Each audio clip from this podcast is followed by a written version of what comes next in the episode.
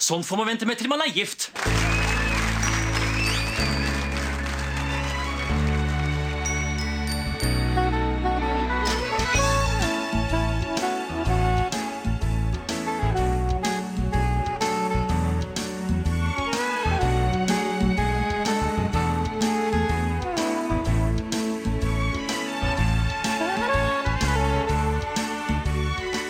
Hei, velkommen til en ny episode av Norsk film filmpodkast. Podkasten hvor vi ser norsk film med et kritisk, men kjærlig blikk.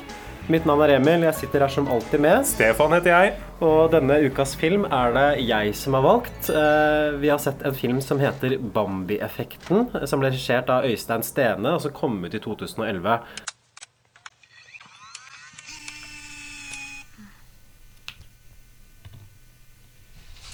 Veronica Vindberg befinner seg på familien Vindberg sitt sommerhus. Hun er i ferd med å forsvinne, men det er det ingen som vet ennå.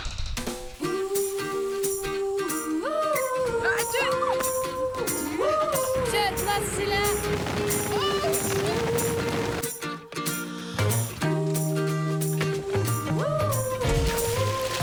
Tror du på Gud, Jonas? Spørsmålet er vel her om Gud tror på meg? Utrolig teit sagt. Jeg er glad jeg slipper å gjøre det alene.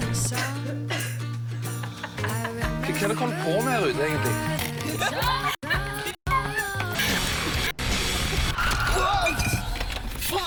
Hvorfor er du her? Hvorfor, hvorfor er du her nå? Er det mer du vil vite? Andre detaljer? Hm? Lurer på om jeg piste på meg? Det? Hei, du, hei. Nå filme. Det blir jo ikke det samme. Du skal dø, Cecilie. Se på meg. Se på meg. Nei, du Skal den vogna bare stå der, eller? Jeg skjønner ikke at noen har giddet å pult deg engang. Vi sletter det siste der, ikke sant? Nei, nei, nei. Alt skal med, Cecilie. Do you like my face? Do you like what you see?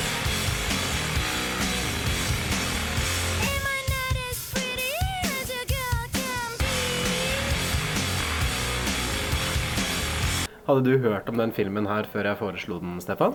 Nei, jeg har aldri hørt om den, og det er jo en grunn til det. For det var jo ikke så veldig mange som så den på kino, var det det? Nei, Den var faktisk på topp fem-lista det året. Og Oi, de imponerende. minst sett sette Å, ja. norske filmene året den kom ut. Eh, de andre filmene var 'Exteriors', som var den minst uh, sette. Hæ, hva er det for noe? Har aldri hørt om. Eh, 'Mørke sjeler'. Heller aldri hørt om. 'Gunnar Goes God'. Hørte du om den? Den, er, den tror jeg faktisk jeg har sett filmplakaten til. Er det. Gunnar Garfors i hovedrollen? Og så var eh, femteplassen var da flydrama Pax. Så det er eh, celebert selskap. Det er også den eneste spillefilmen til Øystein Stene. Eh, Hans siste filmproduksjon. Han ga seg etter dette her. Noe av grunnen til at jeg ville se den, er liksom at det er en ganske sånn sjelden art i norsk film, nemlig en ordentlig indiefilm. En film som er lagd på veldig lavt budsjett. Mye sånn dugnadsarbeid, tror jeg. Lite crew. Eh, som jeg syns var litt sånn interessant med den. Jeg vet ikke, Stefan, Hvordan var eh, forhåpningene dine før vi benka oss ned for å se på Bambi-effekten? Jeg hadde vel ingen forhåpninger til det her. eh, og det Jeg vet ikke. Jeg blir ikke noe verken positivt eller negativt overraska. Det er jo det som er fordelen når du ikke har noen forhåpninger. Du sitter nøytral igjen. Jeg sitter helt nøytral. Jeg er litt som Sveits. Men jeg synes ikke det er noe litt sånn stas over å være en i verden nå, så er det vel syv milliarder mennesker, og så er det 4000 av dem som har sett Bambi-effekten, og du er nå en av de 4000. Det er en Ja. ganske eksklusiv gjeng, da. Ja, Men du vet jo ikke hvor mange som har sett den på DVD. Det kan jo faktisk være at det var 1000 stykker som kjøpte Jeg la DVD-en. på 1000, for det var 3000 Å, ja. som solgt på kino. Ambisiøst. ja. Nei, jeg antar kanskje hvis man sier maks 5000, da, eller hvis vi sier 7000, så jeg orker ikke å regne på hvor mye prosent eller promille det er av 7 milliarder mennesker. Nei. Men du har jo hatt en opplevelse som veldig få andre i denne verdenen her har hatt. Ja, det er jo ikke en opplevelse jeg kommer til å kanskje anbefale noen andre å, å oppleve. Altså det, men de, eh, de som mange derimot har opplevd, er jo eh, Julie Winge og Victoria Winge. Victoria, herregud! Julie Schacht. Victoria Schacht og Victoria Schacht og eh, Julia, Hva, Julia hva mener du at mange har opplevd dem? De har vel sett dem på, på TV, er Det ikke det? Ja, ja, ja, det har jo sånn, vært på norsk film i noen år. det, det er jo filmens to hovedroller. Det er uh, Victoria Winge som spiller en karakter som heter Cecilie, og så er det Julie Schacht som spiller en uh, karakter som heter Veronica. Og Filmen begynner med at disse to hovedpersonene møter hverandre for første gang. Og da er de ved den der skøytebanen som ligger ved Spikersuppa i Oslo. Et av Liksom Oslos fineste områder der, liksom ved, ved parken der. Og vi skjønner jo ganske fort at dette liksom er en uh, Det er jo det, er- det er en sånn slags uh, mockumentary. Ja, eller vi blir jo introdusert for filmens formgrep. da, for det gjelder sånn der Mockumentary så er det jo litt sånn Blair Witch Project-aktig, og det er vel også Cloverfield som er spilt inn på den måten der. For det vi ser i filmen, er, er det liksom hovedpersonene selv som har filma. Og det er filma med håndholdt kamera, at de driver og dokumenterer seg selv. Da. Det er liksom det materialet som vi sitter og ser på. Og det som også er litt sånn interessant med akkurat den filmen her, er at uh, så vidt jeg veit ikke var noen andre kamerapersoner inne i bildet. Så alle bildene vi ser, er faktisk filma av Julia Schacht og Victoria Winge. Bortsett fra et lite eh, unntak, men da er det en av de andre skuespillerne som eh, filmer. Så det syns jeg er liksom interessant. Det har man ikke sett så veldig mange ganger før, føler jeg. liksom At det er faktisk skuespillerne som står bak kamera. Ja, du sparer jo penger, da. du sparer penger her, slipper å hyre inn en kameraperson. Uh, men ofte liksom på Blair Witch Project så er det vel egentlig som cinematografen som filmer. Og så skal det Men men cinematografen Er ikke det Cinemateket? Har det noe med det å gjøre? eller? Nei, det er vel liksom cinematograf, de som har ansvaret for hvordan en film ser ut, da. Eh, som er tittelen. Eller man Er kaller det også director, eller? DP, Director of Photography. Eller i hvert fall er en profesjonell person som filmer, da. Mm. Så skal man få det til å se ut som om det skulle vært kameramannen, ikke sant, som man sa før. Og så skal man prøve å få det til å se ut som om det er en karakter som har filma. Er det en kjønnsnøytral tittel nå? Det det Jeg sa kameraperson, hva ville du sagt? Vil jo, det, det, det, heter vel fortsatt Kameramannen, gjør det ikke? Eller er det, er det blitt øh, Vi kan si kameramannen inntil videre, så får vi heller gå tilbake igjen og endre i arkivet. Ja, vi kan gjøre det. Hvis, øh, hvis det ikke blir greit å si Kameramannen, så går vi tilbake på det. altså. Uansett, poenget her er at her er det faktisk eh, Julia Schacht og Victoria Winge som har eh, stått for fotografiet. Eh, Hvordan syns du det prega liksom, utseendet til filmen? Eh, altså det, jo, det ser jo litt ut som en sånn Det er jo litt sånn dogmefilm over det. At vi ser det der kameraet eksempel blir lagt liksom på, et, eh, på et bord, sånn at du får et sånt eh, Rett inntil en ølboks, eksempel, så får du sånn helt sånn merkelig perspektiv hvor du bare ser liksom ser eh, hovedpersonen i brysthøyde og sånn. Det blir litt sånn, det blir snodig, men det, gir den jo sånn, det gir den i hvert fall noen, en sånn lekenhet da, som mange andre filmer savner. Ja, og så er det jo mye håndmålt kamera, mye liksom at den sveiper litt sånn hit og dit. Jeg syns ikke det virker som om de har planlagt disse bildene så mye. Egentlig, At det virker som om liksom de bare har skutt det i scenen så best de klarer, men uten å ha en sånn tydelig idé på forhånd om at ok, jeg skal fokusere på dette, kameraet skal bevege seg sånn og sånn. Så det kunne man kanskje gjort litt mer med, egentlig, tenker jeg, sånn stilmessig i Du filmen. tenker lekt seg litt mer med kamera. Ja, eller at det virka litt mer planlagt hatt en litt mer sånn Mm. presis kameraføring. da, fordi selv om det er Victoria Winge og Julia Schacht, så kan man likevel ha en plan for hvordan kameraet skal bevege seg i scenen. Men tror du ikke det blir vanskelig for dem å både spille og holde kamera samtidig? At Jo, det blir kanskje. Multitasking. Det er jo ikke alle som er like gode på det som deg, Emil. Nei, man sier jo det at kvinner er gode på å multitaske, da, så det er jo to Ja, kvinnelige skuespillere begge to. Men ehm, altså etter Det er litt sånn uklart for meg, for de første scenene her er jo på vinteren, ikke sant? De er på Spiker- Spikersuppa ved den der skøytebanen der, og så går det liksom et par måneder, og så er de på vei ut til et sånn der sommersted. Uh, vi ser dem stoppe på Joker, hvor Victoria Winge slipper en yoghurtboks i bakken. Og der blir de konfrontert av butikkdama Reidun. Ja, og den eh, Reidun er jo ikke noen hvem som helst, for hun er jo spilt av Arendal Torp. Og vi skjønner jo fort nå at dette her er Dette er mockumentary, for ellers hadde jo aldri Arendal Torp jobbet på Joker. I sånne Joker-klær. Mockumentary? Hva mener du med mockumentary når du Det er- sier det? det er jo det det mockumentary er jo liksom sånn liksom-dokumentar. Ja, men det er, jo det, måte, det er jo det det er. Vi skal da jo som seere få et inntrykk at det er en slags slags At det er dokumentar. en dokumentar? Ja, ja, det, har, har ikke du inntrykk av det? Nei, eller Ja, nei, jeg, jeg tror kanskje mockumentary er litt mer sånn The Office og Spinal Tap og sånn, hvor kameraet folk blir intervjua og sånn. Men de, de intervjuer jo seg selv da, foran kamera. Ja, kanskje, ja. Så jeg, jeg, jeg, tror det er, jeg tror det faktisk er- det er, i hvert fall sånn at lytterne forstår, dere som er der ute, på en måte, og ikke liksom har en sånn master i filmvitenskap, så måte skjønner dere mockumentary. Mockumentary er enkelt og greit. Ja, det er mockumentary. Eh, I alle fall så skjønner vi at eh, det kan det ikke være, fordi Arendal Torp hadde jo aldri jobbet på en eller annen joker oppi liksom, i Gok der. Hun hadde jo eh, jobba kanskje på Meny i ferskvaredisken eller noe sånt. Eller Coop Mega, da. Men uh, uansett så, så er det i hvert fall Andal Torp som jobber der. Og det, det blir en sånn konfrontasjon hvor først Andal Torp ber dem om å, å legge fra seg uh, Hva, hva er det de Det er seinere i filmen du tenker på nå. For i første scenen her så er det vel det at hun kommer og med en sånn mopp og så skal ha Victoria Vinge til å Tørke opp yoghurten og betale. Og skal ha betaling for det, og så ender det liksom opp med at de stikker bare fra betalinga. Og så kommer liksom Amanda Torp også ut og begynner å hasle dem fordi at det er, det er en Handlevogn som de ikke har som satt tilbake. tatt med inn i Men det synes jeg er en uting. Det er jævlig dumt å sette den på parkeringsplassen der. Plutselig er det noen som kjører på den og sånn. Så jeg synes jo Andal Torp må jo stå på krava når du jobber i en sånn Det er en ganske fin og ren organisert butikk, det der. Kan jeg hjelpe dere med noe, eller? det går fint. Finne fram det.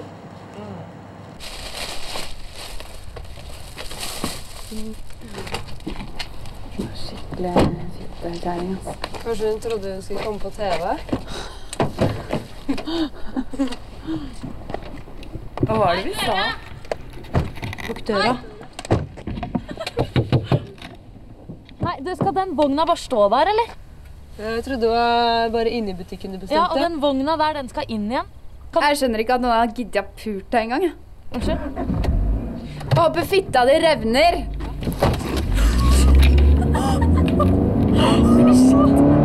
De framstår jo som nokså hensynsløse og egoistiske, og kanskje spesielt Julie Schacht sin karakter. og At Victoria Winge er litt mer tilbakeholden, får man inntrykk av, mens Julie Schacht er den som er mest aggressiv av dem. Og det ender også opp med at hun roper 'Jeg håper at fitta di revner' til Anda Torp idet de kjører fra parkeringsplassen. Men det det, eh, eh, vi skjønner jo hvorfor de er så hensynsløse, eh, vi som har sett filmen. Men det skal vi komme tilbake til seinere. Vi kan jo kanskje si litt om stilen deres også, fordi, altså klesstilen. Fordi Julia Schacht har en veldig sånn stygg, litt sånn typisk 2000-tallsstil. At hun har liksom en sånn rosa topp, og så har hun en sånn, så ser ut som en sånn kjøkkenforkle over der igjen. Ja, slags det var sånn- kult, da. Det er kjole. Og så bleike jeans med hull i på knærne, og så har hun på seg Converse, sånn slitte Converse, og så en sånn tjukk, svart reim rundt håndleddet. Ja. Så jeg syns hun ser litt ut som en narkoman, egentlig. Og de folka man ser liksom i Brugata utenfor Kiwien der, de føler jeg liksom har den looken og Jeg er litt oppe for sprøyterommet liksom litt lenger opp i gata der. Det er, det er den, den stilen der. Victoria Winge er vel mer, litt mer sånn hettegenser og også sånn topp eh, Ja. som nok er litt lenger enn den til Julie Schacht. Har vi gjerne litt sånn androgyn stil, eh, Victoria Winge. Altså det, det liksom Ja, klær som på en måte skjuler formene litt, kanskje. Hun er ganske tynn. Så det er jo et eller annet med på en måte deres fysiske utstråling også, at Julie Schacht er jo ganske sånn mørk, sensuell, mye sminke, mens Victoria Winge er på en måte motsetningen. Hun er mer sånn dydig, androgyn, Naturlig. guttaktig, naturlig, uskyldig. Og det blir jo liksom mye av den dynamikken i filmen også, fordi man bruker veldig mye tid på å se disse to karakterene som liksom, ja, interagerer med hverandre. Men eh, det som skjer, er at vi ankommer sommerhuset til eh, Julia. Vi kaller dem bare Julia. Jeg husker ikke navnet på de folk her. Men det er i hvert fall, uh, hun heter noe sånn Det er familien Windeberg sommerhus. Og vi får en liten sånn derre et sånn, slags sånn guida omvisning rundt i huset, hvor liksom uh, Julia da liksom viser og på en måte forteller da at her sitter mor Windeberg og leser eh, en roman, og så drar hun fram noe Prost, prost faktisk. Ja. Mm. Og det er jo Det er sånt Det er jo det er, det er sånn, liksom, det er et veldig, Du ser jo at dette er folk med penger. Det er liksom et sånt her, liksom atriumhus med sånn eh, kjøkkenbenk i betong og sånn. Ja, det er ikke Det noe sånn da. hjemmesnekra hytte på fjellet med utedo og, og vi menn der. Altså, det er ordentlig sånn der arkitekttegna, fjongt eh, sommerhus. Dårlig arkitekt som har vært ute og tegna, men uh, en slags arkitekt, i hvert fall. Mm. Vi si. Nei, så det, det blir jo på en måte etablert at uh, Julie Schacht hvert fall kommer kanskje litt fra penger, eller fra en liksom, Mm. besteborgerlig familie. Eh, her finner vi også ut hva de holder på med der ute, fordi det kommer fram at eh, begge to har lyst til å ta livet sitt, og så har de inngått en slags sånn selvmordspakt. da. Og det var sånn de møttes opprinnelig, at de møttes liksom på internett og begynte å chatte. Og ble enige om at de skulle dra ut på dette sommerhuset og så ta livet sitt da på en sånn bestemt dag da som de har planlagt på forhånd. Ja, og de, eh, i den, eh, når du kjører utover her, så ligger det en sånn der gammel koffert fra 50-tallet kanskje, som ligger liksom baki der. Og den skal jo få en viktig rolle seinere i filmen. Ja, det er på en måte metoden de har valgt. Vi kan kanskje si det med en gang. Det blir ikke avslørt før litt sånn seinere, men det er ikke så farlig egentlig når det kommer. Nei. Men til dere som, vil, eh, som ser filmen uh, imens, så kan dere bare spole over liksom, neste Eh, halve Trykk på pause, og så ser filmen ferdig. Den varer bare i 70 minutter. Så uh, kom tilbake til oss. Altså, selvmordsmetoden deres. At de på en måte, sånn som jeg forsto det, i Stefan, at de skulle fylle den kofferten med masse stein. Og så skulle de binde seg sjøl fast i den kofferten, og så på en måte senke seg sjøl ned på havets bunn. da. En sånn sammenbundet, som slår meg som en litt sånn upraktisk metode, egentlig. Ja, er, det, er den drukningsdøden er den behagelig, eller? Man sier vel gjerne det at drukningsdøden er en av de verste dødene, eller dødsfallene. Mm. Og det virker jo også ganske sånn styrete og liksom skulle binde seg sjøl fast liksom rundt den kofferten. I hvert fall for de har jo rep, så det kunne jo bare hengt seg. Ja, hvorfor det er mye lettere? Hvorfor ikke gjøre det? Det er jo ikke så veldig Nei, det har hørt det, det er veldig få kvinner som henger seg generelt. At det er liksom interessant uten å gå for dypt inn i tematikken her, da, men at det er ganske sånn kjønnsforskjeller i hva slags selvmordsmetoder som man velger. At menn så er liksom det å henge seg ganske populært, mens kvinner er med på gift. Oi, hva slags gift da? Nei, bare ja, råttgift, vet ikke. Ja. Nei. Piller. Paracet? Altså kanskje menn ser på liksom litt sånn veik måte å gå ut på, da, hvis du først skal gjøre det. Eh, I hvert fall. eh, Victoria Winge spiller en sånn beskjed til eh, faren sin, hvor hun basically liksom begrunner selvmordsvalget sitt. Eh, her finner vi ut at Victoria Winge er ganske sånn alvorlig syk. Hun har en muskelsykdom. Og dette her veit ikke Julia Schacht på forhånd, og det blir en sånn konfrontasjon mellom dem. Og det er vel kanskje det det handler om da, er at Julia Schacht syns at hun føler seg litt sånn lurt fordi Victoria Winge har lyst til å ta livet sitt pga. denne sykdommen, Mm. og ikke bare fordi hun ikke har lyst til å leve lenger. At det er på en måte ikke så rein selvmordsgrunn på en måte når du får den sykdommen Nei, for det er bildet. Ja. liksom som som ligger til grunn for det her. Mens hun andre på en måte stiller jo med blanke ark. Der er det bare psykisk. Ja, For henne er det liksom bare deppa at hun er et sånn eksistensielt valg, mens uh, Victoria Winge Man skal vel forstå kanskje at hun er dødssyk, til og med. At hun Mm. kommer til å dø uansett, men hun har bare lyst til å dø liksom før hun blir ordentlig syk. da Og at moren hennes også har hatt samme sykdommen og gått samme vei. da Uh, Victoria Winge tar også en ganske sånn klein dans foran kamera. Og her støter vi på noe sånn ganske vesentlig med filmen, egentlig. Som er et sånt gjennomgående problem, er at filmen er rett og slett veldig klein. Jeg vet ikke hva du syns om det, men for meg så balanserer den liksom hele tiden på grensa til å sånn tippe over i å bli ganske pinlig å se på. Hvordan var din opplevelse Ja. der, Stefan? Ja, det er jo um, Det er jo noe man, man kan se der òg, er jo at uh, Victoria Winge spiller liksom Når du tar, har de der scenene hvor du ser inn i kamera, og på en måte skal sitte alene med kamera og si ting til kamera, så blir det veldig sånn teatralsk. Ja, jeg syns dessverre at jeg liker egentlig Victoria Winge veldig godt. eh, Både som skuespiller og person. Hei, hei, sånn- Victoria, og hei, hei, Stein Winge. Ja, Hei. jeg har alltid, alltid hatt liksom godt inntrykk av henne, egentlig. Men jeg syns kanskje ikke den rolletolkningen hennes her fungerer så godt. Og spesielt i de scenene, Stefan, sånn som du sier, hvor hun har en sånn lang monolog, og så kameraet bare hviler på henne, og så får man sånn to, tre, fire minutter lange tagninger. At hun blir veldig sånn unaturlig og rar, syns jeg. At det prøver liksom å være realistisk, men jeg kjøper det ikke, da. Jeg sitter og tenker liksom på skuespillet mer enn jeg tenker på scenen, og det er jo et problem. Ja, og det, og det, det, sånn, det er sånne tilgjorte pauser innimellom. Sånn ah. Ja, eller at hun prøver å bli veldig sånn intens med blikket sitt, eller blir redd over dette. det Men så sagt. ser blikket helt sånn fjernt og liksom sånn monotont ut. Så hun greier ikke å få Altså, det, det ser ut som en amatør, men vi, vi alle vet jo at eh, Victoria Winge ikke er en amatør.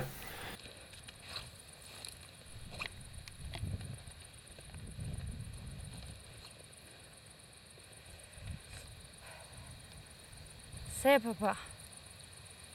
Så lite borte jeg er. Jeg er eh, minner jeg ikke husker selv. Jeg er fire, jeg er fem, jeg er tenåring. Jeg er alle de tingene som, som jeg har glemt, og, og som du nå kan huske.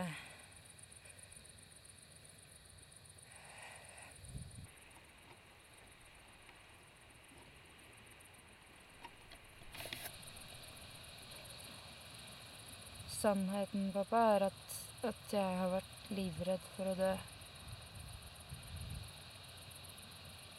Livredd siden lenge før, før eh, jeg fikk sykdommen. Helt siden mamma Husker du Husker du de pleide å fortelle meg om om om hvor flink hun var til å danse, om uh, første gang du møtte henne da, Du hadde stått og sett på henne danse i en time. Husker du det? Nei, men det krever jo veldig mye av en skuespiller å skulle spille den type scener, da, ikke sant? som er sånn monolog, og hvor kamera kun liksom er på ditt ansikt, og hvor det er ingenting annet å ta oppmerksomheten. Og... Men er ikke det du lærer på skuespillerhøgskolen? Ja, jeg tror det er de færreste egentlig som kunne klart det, selv blant de beste skuespillerne. Og... Med Herbert eh, Nordrum. Herbert Nordrum, kanskje. eh, Det skuespillergeniet der. Men jeg syns jo Julie Schacht egentlig fungerer bedre i de scenene hvor hun Ja, gjør det samme. så jeg, jeg syns nok kanskje Julia Schacht utspiller Victoria Winge litt her, i Mm. de, disse to tittelrollene. Hvis man skulle ha sammenligna dem. Eh, Vi ble også introdusert for hyttenaboen deres Eirik, som inviterer jentene på grillfest. Eh, Her er det sånn typisk at Julie Schacht takker ja, mens Victoria Winge er litt mer sånn skeptisk, da. Men hvem er hyttenaboen, Emil? Hyttenaboen, det er han Bare Bea-kisen? Ja, for det er han Bonden fra Bare Bea? Ja, og det er jo ikke den eneste fyren fra en norsk film vi skal stifte bekjentskap med. For det er jo en annen kjendis som dukker opp. Ja, Eirik har en uh, mystisk halvbror, uh, viser det seg, og det er jo ingen andre enn Kristoffer Joner. Nei, det var ikke Kristoffer Joner jeg tenkte på. Hvem tenker du på, da? Han som spiller Kjakan i Max Manus. Ja. Han er jo med! Den er Jeg vet ikke- hva han det er heter, men det er jo en helt grei rolle. Nå tror jeg du misforstår litt, for det broren det er jo de siddisene som er brødre. Det er han bare BA-fyren som er broren til Kristoffer Joner. Men han uh, Eirik er bare en sånn random fyr som har den hyttenaboen, og så har han en kompis som er han bare BA-fyren. Å ja. Og så har de Kristoffer Joner som halvbroren hans igjen, da. Oh, ja så, det, så han Kjakan er Men han jo en, har en viktig rolle likevel. For han er jo med i bilen hele tida når de Ja, kjører ja, ja, viktig, ja. ja. Alle er viktige her. Drar de. Det er, det er sånn vanskelig å finne ting å snakke om om den filmen. Jeg kan man kanskje bare legge korta på bordet. At det er ikke den filmen jeg noterte mest på forhånd å si. At det er rett og slett veldig lite som skjer i den, altså. Vet ikke hva med deg, Stefan? Har du mye å si om dette? Nei, jeg, jeg kjeda meg jo da jeg så det her. Til vanlig så ser vi jo Det er jo litt sånn eh, bak kulissene her, men vanligvis ser vi jo filmene hver for oss, så møtes vi og så diskuterer vi dem. Men den her var så vanskelig å få tak i at den så vi faktisk sammen først. Og det var vel ingen av oss som måtte koste oss med dette her og tenkte at dette er et god norsk film. Nei, Jeg fikk litt sånn panikk sånn ti minutter inn i filmen. Oi, gjorde det? For jeg begynte å tenke sånn Her er det ikke nok å snakke om til å fylle en episode. Så var det nesten så jeg vurderte liksom å sitte der sånn Skal vi bare drite i det, liksom? Og sånn Er dette verdt tiden? Vi får jo se hvor langt vi kommer, da. Jeg har spilt inn 18 minutter nå, og så tenker jeg kanskje på at vi legger på noen trailere og introen osv., og, så videre, og så er vi oppe i 22. Vi Ja. klarer jo å komme oss til en halvtime, tror du ikke? Jo, jo, jo, det er null problem, det. Det er jo, det er jo litt sånn synd for dere som måtte ha venta på Bambi-effekten lenge. Og bare sitte og bare oppdatert og oppdatert på Spotify og Podcast Republic og Apple og hvor dere farter. Når kommer den? Og så endelig så kommer den, og så er, den, er det bare liksom så, så er det ja, ti minutter. Ja, men vi har Vi et skal- mandat at vi må liksom vri Ja, så mye saft ut av den sitronen her som vi klarer, tenker jeg. Og enten det liksom er en saftig sitron eller en stein, som denne filmen her kanskje er, så må vi prøve å få noe content ut av det. Jeg er litt sånn som han i det der eh, Espen Askeladd-eventyret. Han der som eter stein og Ja, det er oss, ja. Bare at steinen er kjedelig norsk Åh. film, og det, Faen, den er tung i magen, den steinen, ass. dette her er liksom hard liksom granitt. Åh, vi gleder oss Ikke- den er driti ut etterpå. Ikke, ikke skifer, som f.eks. Max Manus og Buddy og liksom de der litt bedre filmene. Se, nå fyller vi sendetida allerede. Så da er vi allerede opp, vi er oppe på 19 minutter da. De drar i hvert fall ned til, eh, til Joker igjen, da, fordi de skal handle inn pils og pølser til denne grillfesten. Der er dessverre Andal Torp på jobb, og da tar liksom Julia Sjakt på seg noen sånne solbriller og sånn svær lue for å kamuflere seg selv. Som jeg syns var litt komisk, egentlig, for det er jo helt åpenbart at det hun Og Jeg ville kjenne henne på flekken. Det er jo litt sånn som kjendiser som går på gata med solbriller. Så er det sånn Oi, der er Are Kalvø, gitt. Det er veldig lett å se. Eller der Oi, det var eh, det var Tom Mathisen som gikk forbi. Med solbriller og lue. Um, Jula Slakt skal kjøpe tau der, og så kommer liksom Anna og Torp og konfronterer dem igjen og sier vel basically at du ikke får lov til å handle i butikken hennes. Og da ender det opp med at de liksom løper ut av butikken og stjeler det tauet. da, Litt sånn Moxnes-stil. Um, de blir plukka opp av guttegjengen den, og så kommer liksom til denne berømmelige grillfesten. Uh, her er det ganske ikonisk replikk som også er i filmens trailer, som kanskje var ganske stolte av. Fordi Victoria Winge spør Kristoffer Joner om han tror på Gud, og så svarer Joner at spørsmålet er vel om Gud tror på meg. Godt sagt. Syns du det var en god replikk, eh, Stefan? Hva syns du om den replikken etterpå, hvor han ene spør om eh, Tror du på, på døden? Eller liv etter døden. Ja, liv etter døden. Og så svarer han Tror du på livet før døden? Er- da tenker du litt. Ja. Jeg syns kanskje at de burde holdt seg som, til eh, jeg sier som Finn Kavik. Jeg tror på et liv før døden. Jeg lever og lærer. Jeg er ingen profet. Mm. Med Cher? Er det ikke 'Believe in life after love', som hun sier i den? Ja.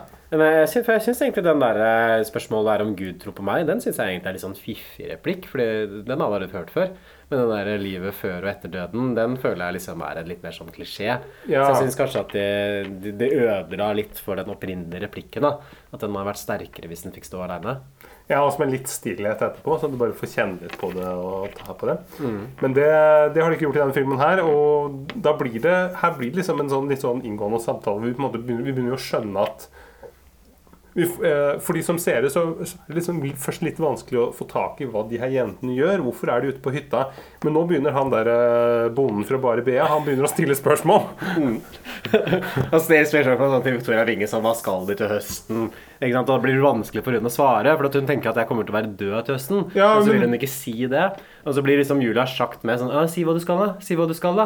Liksom skal, ikke sant? Julia Schacht, som alltid er den aggressive av dem, ikke sant? skal prøve liksom å få Victoria Winge til å fortelle om planene sine. Ja, og det, det eneste Victoria Winge har, er jo en bachelor i sosialantropologi. Og det kommer du jo ikke langt med. Hvis Mm. vi hadde tatt en bachelor i sosialantropologi, så hadde vi ikke drevet Norges mest populære filmpodkast. Det er jo Bonden fra, fra Bare Bea driver og spør sånn her Skal du bli med på festival? PG Harvey kommer dit. Og igjen så får Victoria Winge et sånt forklaringsproblem. For hun kan jo ikke svare nei, Fordi da er jeg dau. ikke sant? Jeg skal drepe meg et par dager nå. Så det, det, det blir ikke noe festival på meg. Det er humor, det. det Altså, da, da må, det blir sånn forviklingskomedie. Litt sånn Kirby Enthusiasm-aktig, kanskje. Stemningen den. Tar du det veldig drar du langt her? Hvor mye av dialogen tror du er improvisert, Stefan? Eller tror du det er skrevet på forhånd, eller er det funnet på? Det virker jo veldig improvisert. Det er, jo sånn, det er jo litt sånn som Kristoffer Joners rolle, hvor han bare sitter i bakgrunnen og pimper pils, liksom, og kommer med en eller annen sånn replikk innimellom. Men det, det er jo ikke noe det er ikke noe som sitter og ender liksom til slutt opp med liksom å ligge med, med Julia Schacht. Ja, Han har en ganske enkel dag på jobben. liksom Først bare sitte og drikke og røyke sigg, og så en sexscene med Julia Schacht. Det er ikke så verst, liksom. Nei, eh, Hvis han i tillegg fikk betalt for det, så er det jo helt fantastisk. Men Kristoffer Joner sliter litt med å få den opp under denne sexscenen. Så ordner seg vel etter hvert. Og så viser det seg da at Kristoffer Joner har forsøkt å ta livet av seg tidligere uten å få det til. Og Julia Schacht driver liksom og konfronterer han med det og stiller spørsmål på en litt sånn ertete måte. Og så gir liksom Kristoffer Joner henne for mye informasjon da, som hun kanskje ikke ber om. Og her er det vel at Julia Schacht begynner å få litt sånn kalde føtter, tror jeg, eh, med tanke på hva de skal gjøre. Ja, fordi Julia Schacht eh, viser fram liksom arrene sine, som hun har, eh, har på underarmen, og hvor, hvor Derfor hun går med den svarte reimen for å skjule disse arrene. Ja, sånne klassiske arr. eh, Og Kristoffer Joner bare fnyser av det og sier at du, må, du skulle putte armen i saltvann, så skulle du bare skjært opp langs ja, ikke ikke på langs. Nei. Og det, så måtte vi skjønne at han, er en, han er en proff på området som kommer og belærer denne liksom, spirippen som vi ikke skjønner noen ting. Og Vi kommer jo også fram til siste dagen her nå. Eh, Det er en del sånne greier som skjer der. Blant annet så kommer han der bonden fra Bare Bea, så kysser han og Victoria Winge. Vet ikke om vi trenger å gå inn på den scenen der? Eller? Nei, den hadde jeg faktisk glemt. Um, og så oppdager Det som er liksom mest substansielt her, kanskje, er at Victoria Winge oppdager at det er en skuff full av penger på hytta, uh, med 100 000 kroner, som hun da konfronterer Julia Schacht med. Og det syns jeg var veldig sånn uklart, egentlig. For det, det kommer vel fram da at Julia Schacht har spart opp de pengene som hun skal bruke på dem hvis de ikke tar livet sitt likevel. Og så har hun liksom 100 K i bakhånd, og så kan Oi. vi på en måte basere et nytt sånn liv på det. Jeg vet ikke, hva skulle de 100 000 kronene For det er jo så, det, det, det er den måten som Victoria Winge skjønner at Julie Schacht ikke har tenkt å ta livet sitt, eller at hun ikke er så sikker likevel. da. Nei, hun er på en måte bare mer at det, det er liksom dette samholdet på en måte, Jeg på en måte synes det er litt sånn romantisk, dette med å ta livet av seg. Og så kommer Kristoffer Joner og avromantiserer hele greiene. Ja, for det er det som skjer, ikke sant? Det er det som får henne til å ombestemme seg. Og så, for det, så blir det en ny sånn krangel, men denne gangen så er det på en måte så, Nå blir liksom dynamikken mellom de liksom, sånn reversert, da. Fordi nå er det på en måte Victoria Winge som er den aggressive, og Julie Schacht som er den redde og tilbakeholdne. Og Victoria Winge er veldig bestemt på at de skal gjennomføre dette selvmordet, mens eh, Julia Schacht har egentlig lyst til å trekke seg og er mer sånn rop om hjelp eller oppmerksomhet fra familien, da, for hennes del. Ja, Det som plutselig skjer, er at vi ser Julia Schacht sitte bundet fast i en eller annen stol, et utemøbel ute på terrassen der, med gaffa foran kjeften, og Victoria Winge som da driver og avhører henne, samtidig som hun gir henne, henne vodka. Mm. Jeg vet ikke, jeg. Ville, ville norske politifolk på 2000-tallet ville de gjort det her? Politifolk? Ja, i Norge. Hvordan da, mener du? Nei, siden politiet liksom gjorde Ja, så sånn mange- Ja, sånn a- avhøring. Ja, avhør, ja. ja. ja, ja. Nei, det, det, det som uetisk, ja. Men, ja, men, men jeg bare forstår ikke sånn der, hvorfor kommer de der 100 000 kronene i bildet. Jeg syns det var så rart. For det, som, for det er vel liksom det at Kristoffer Joner når de driver og skal ligge sammen, så drar de til skuff av en eller annen grunn, og så liksom regner det ned masse sånn hundrelapper og femtilapper og tusenlapper og sånn. Så er det liksom to spørsmål. For det første, hvis du skal ha 100 000 kroner, hvorfor har du sånn 50-lapper iblanda der? Har hun bare samla en masse sånn smålapper, og så blir det 100 000 til sammen? Hvis du går i banken og tar inn 100 000 kroner, så får du jo 100 000-lapper. Ja, da får du nystrøkne ikke, ja, du Kan jeg få noe av de lapper, og noe av de lapper, og 200-lapper? skal vi ha? Tenker jeg da, ikke sant? Hvis det kommer liksom en sånn koffert av penger, så er jo samme valøren liksom på alle sedlene. Men kanskje rana en bingohall eller noe sånt? Ja, kanskje det. Eller bare spi, spinka og spart. da, liksom Lagt av en femtilapp her og femtilapp der, og så plutselig så ble det runde 1000. Så det skjønner ikke jeg. Og, og for det andre, hvorfor var de lappene liksom i skuffen der? At hun har lagt det der liksom for å ta vare på det? Ja, og Når har du lagt det der? Hadde du det med i bilen da de kjørte nedover? Eller er dette noe du har liksom planlagt for lenge siden? Har du vært Ja. på hytta med de der smålappene og Og hva er det det skal brukes til? Hva skulle du brukt de 100 000 kronene til? Få en fet ferie for det? det ikke? Ja, At de på en måte skal gå og starte et nytt liv, liksom? Men da er ikke 100 000 kroner nok. Jeg får ikke et nytt liv for 100 000. Nei. Selv ikke i 2011. Nei, Jeg tror det er sånn svakhet i plottingen her. For at filmen trenger et eller annet sånn narrativt element som skal etablere liksom at Julie Schacht ikke har tenkt å, tenkt å ha livet sitt likevel. At Victoria Winge må skjønne det. Og så velger du liksom de 100 000 kronene som den mekanismen som hun skjønner det gjennom. Men det er ikke så gjennomtenkt, for det gir ikke noe mening liksom i karakterenes univers. Nei. Hva skal du med liksom 100 000? Og Julie har sagt, kunne jo bare sett at det er foreldrene mine sine, at de er rikinger, liksom. At det, De har alltid 100 000 her i tilfelle de må flykte av gårde eller det skjer et eller annet. Hvorfor har du 100 fuckings 1000 kroner, hæ? 100 fuckings 1000 kroner.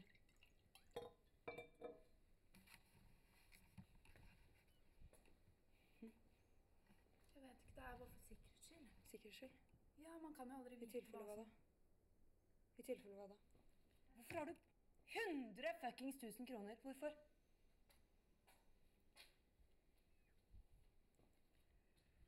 Hvorfor? I tilfelle vi ombestemmer oss. Ombestemmer oss? Jeg kan jo ikke vite det, Cecilie. Jeg kan jo ikke vite det. Det er umulig å vite helt sikkert skje. Når var det vi snakket om eh, mulige ombestemmelser? Hæ? Nå snakket vi om det? Tilfelle vi? Tilfelle du ombestemmer deg? Er det det? Hvorfor er du her? Hvorfor, hvorfor er du her nå? Hm? Hva gjør du her? Hva gjør du her? Jeg vet ikke, jeg ville bare bort. Jeg ville forsvinne, OK?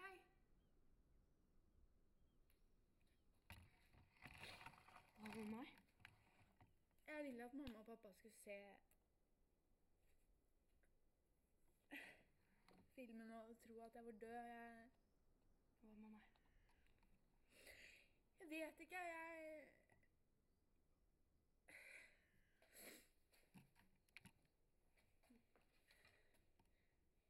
Vet ikke. Hva, hva hadde du tenkt med meg?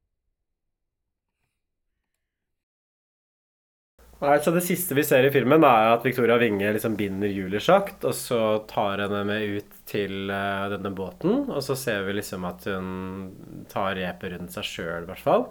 Det er litt sånn uklart om hun har tenkt til å bare ta livet av seg, eller om hun har tenkt å liksom dra med Julie sjakt i, i dragsuget. Eh, og så mm, panorerer kameraet ut på et dådyr som står på stranda og ser på dem, og da går det til svart, da. Så da er liksom filmen ferdig. Hva syns du om avslutningen, Stefan? Det er jo et, eh, et nødrop. Et, det et slags rop om hjelp. At vi, har ikke, vi har ikke greid å finne noen avslutning. Hva skal vi gjøre? Jo, vi bare finner på det her med at eh, med at hvis- vi kan Altså sannsynligvis at Victoria Winge tar livet av seg. Så Nei, det er tynt, altså. At det skal være litt åpent, kanskje? Ja, det, Men åpen slutt er en veldig enkel måte liksom, hvis du ikke har noen slutt. Så det var, husker jeg da jeg gikk på medier og kommunikasjon. Så var det jo, Hvis vi ikke hadde noen ideer, så ble det jo åpen slutt. Nei, men føles kanskje litt sånn forrasta ut hele den konklusjonen også. At vi kaster opp veldig mye sånn plutselig, som f.eks. at Victoria Winge og han fyren plutselig kysser. Men det får ikke noe sånn dramatisk payoff, egentlig. Det, det går ikke noe sted. Men at det blir plutselig veldig mye plott, da. Liksom med Kristoffer Joner og Julia Schack som ligger med hverandre. Men uten at det egentlig ender opp noe sted. Nei, men du kan jo si at den, eh, det at eh, Jeg syns jo det har jo en funksjon, det at uh, Julia Schacht og om Kristoffer Joner ligger med hverandre. For da får jo hun en sånn Da blir det der avromantisert, den der, liksom, det selvmordsgreiene. Og så på en måte skjønner hun for alvor at hun i hvert fall ikke har tatt, eh, lyst til å ta livet av seg. Så det, det er jo greit. Selv om hun da hadde liksom 100 000 liggende, så er det på en måte åpenbart Ja, det er allerede et eller annet før med de det. pengene også, så det gir på en måte ikke mening. Jeg tenker liksom, Er de pengene egentlig nødvendige som et element? Kunne ikke Julia sagt bare sagt det rett ut? Du er ikke sikker på at jeg skal gjøre dette her. At jeg kunne fått den samme reaksjonen. Ja, og så kunne Winge. klikka. Fordi- Ja, uten de pengene. Da blir på en måte litt for fikst. liksom. Sånn typisk når man skriver liksom en film, og så tenker man må ha liksom en sånn plottbegrunnelse for alt sammen. Istedenfor at karakter bare sier det. Så nei, det er faktisk i sexen med Kristoffer Joner, han ser de pengene, og så sier det videre til eh, Victoria Winge, som da kommer til det litt At man legger inn et ekstra ledd uten grunn, da. Ja, for det hadde vært lettere at, eh, at hun bare hadde gått til Victoria Winge og sagt at vet du hva, jeg er ikke At de hadde sittet og prata, tatt seg noen Ja, pils, og så var det sånn. Jeg angrer. Mm. Eh, jeg tror ikke jeg vil dette likevel. Ja. Og så kunne Victoria Winge ha reagert på akkurat samme måten og blitt provosert og tatt henne med ut i båten og Mm. tatt livet av seg. Kommet akkurat samme sted. Men det er jo kanskje det at man skal fylle litt sånn sendetid. da. Det føler jeg kanskje med filmen også, for filmen er jo veldig kort. Den varer 71 minutter, tror jeg. Men likevel så er det mye dødstoff her, så jeg tror kanskje at det hadde fungert bedre som en sånn novellefilm på rundt sånn 40-50 minutter, kanskje. Jeg tror jeg er nede i eh, Hvis du, hvis du hadde klippa ned i 35 minutter, så hadde det jo akkurat vært en kortfilm. Mm. Så det, det gjør seg bedre på den kortfilmfestivalen i Grimstad eller noe sånt. Men det er ikke noe her. Og det er noe som en spillefilm, helaftens spillefilm å gjøre. Du benker deg ned i kinosalen med popkorn og brus for å sitte og se det der, og litt baconsvor. Det er jo, ikke, jo bortkasta tid, altså. Det er for langt. Nei, det er sånn, jeg synes liksom det, det er det som er det mest skuffende med den filmen der. For det er på en måte en film som jeg har litt lyst til å like. For jeg liker liksom ideen. Jeg liksom er, jeg liker Victoria Winge, jeg liker Julia Schacht. Jeg syns jo den ideen om at de har en sånn selvmordspakt er på en måte interessant. At det er kult på en måte at de har fått med seg Kristoffer Jone på det, Andal Torp. Og det er premisset om at man filmer det på den måten man gjør, at det liksom er lavt budsjett og alt det der. Så det er på en måte alle de ingrediensene som trengs for å lage en god film. Men historien er for tynn, liksom. At jeg ikke klarte å fylle på en måte denne ideen med innhold. Men tror du skuespillerne har fått betalt? For det er jo virkelig sånn en stjernespekket film. Altså, det er jo, kan ikke være noen annen film de året som har hatt så eh, liksom sånn glamorøst rollegalleri. Du har på en måte med både Kristoffer Joner, Andal Torp og Julie Winge. Ja, Julie Winge eller Julia Schacht og Victoria Ja, Victoria Winge. Nei, jeg tror nok eh, Kristoffer Joner og Arnold Torp kan jo kanskje ha stilt opp for en litt sånn symbolsk sum, muligens. Ikke sant? Bare liksom av Og det, det er jo på en måte sånne ting som man burde hatt litt mer av norsk film også. At jeg syns det er synd at det ikke er mer sånn type indiefilm som dette her representerer. Og liksom artig liksom at de mer etablerte skuespillerne stiller opp. At det er liksom, litt sånn kul filmkultur. Mm. Men problemet er jo at filmen ikke er så veldig god. Og da hjelper det på en måte ikke med alle de der indie-kredibiliteten, og liksom at det er en god idé på papiret, når det som seeropplevelse blir såpass flatt og utilfredsstillende som det der. Jeg vet ikke, Hva tenkte du, Stefan? Eh, Nei, jeg, jeg syns det, det var slitsomt å komme seg gjennom den her. Jeg er noe Jeg syns det Nei, det, Problemet er at det er, ikke, det er ikke så veldig mye å, mye å sette fingeren på, annet enn at det er liksom det er ikke en film som måte, hvis, hvis, du gjort, hvis du hadde gjort de og de endringene den, Hvis du hadde, hvis du hadde kutta ut liksom, eh, Hvis du hadde klippa den ned litt, og så hadde det blitt en utrolig god film. Det tror jeg ikke det hadde blitt. Nei, det blir liksom for tynt. Ja, det er så problemet tynt. At det er altså en film som er veldig vanskelig å anbefale. Jeg ville aldri anbefalt den filmen der til noen. Nei, Jeg ville anbefalt den til min verste fiende, kanskje. Men det som hadde vært veldig kult, er jo liksom hvis vi kunne sagt nå at dette her er en skjult perle. ikke sant? Dette er en film som alle burde se. Ja, for det er jo gøy. Det er det man alltid håper på. Det er liksom Da vi så Bør Børson nå, så er det sånn Oi, dette var en skjult perle. Fantastisk. Den må vi anbefale til vennene våre. Kanskje det det ikke finnes så mye skjulte perler i den norske filmhistorien. At vi bare må innse det. Jo, men det fins mange. Vi har jo allerede sett mange. Det kommer eh, hundrevis av flere filmer som folk må se. Har du en skjult perle som du vil dra fra Flosshatten? Nei, Det kan vi kanskje ta i en senere episode. Ja, det kan vi gjøre. Vi kan eh, gjemme Flosshatten og dra inn fram en annen gang. La kaninen ligge. Ja, Eh, vi? Kan vi sette et terningkast på den der, eller hva, hva tenker du, Stefan? To for meg. To? Ja, jeg må nok si det samme sjøl. Altså, jeg har nesten lyst til å gi den en treer bare for å være raus, men jeg tror den objektive karakteren er Det riktige svaret er nok terningkast to. Takk for oss. Ha det bra. Håper du ser filmen, eh, du som sitter der ute. Eller alle dere, vil jeg si. Jeg vil jo på en måte Hvis du er interessert i norsk film, så vil jeg si at den er verdt å se. Faktisk. Ja, hvis du er veldig interessert, er interessert i veldig norsk film. interessert i Hvis du norsk er veldig, veldig, film Hvis du er veldig interessert i Julia Schacht og Victoria Winge, så er den i hvert fall verdt å Ja, se. Det er, liksom, det, det er nesten litt sånn Al Pacino og Robert De Niro når de kommer sammen i Heat, på en måte. De to liksom så ikoniske skuespillerne på hver sin kant, men som også utfyller seg hverandre så godt. Kanskje ikke dra det for langt nå, for da mister jo vi den, eh, den stemmen. Vi har den troverdige stemmen i norsk film. Jeg kan klippe ut det siste. Ha det bra. All my friends are dead. All my friends are dead. You got kicked in the head.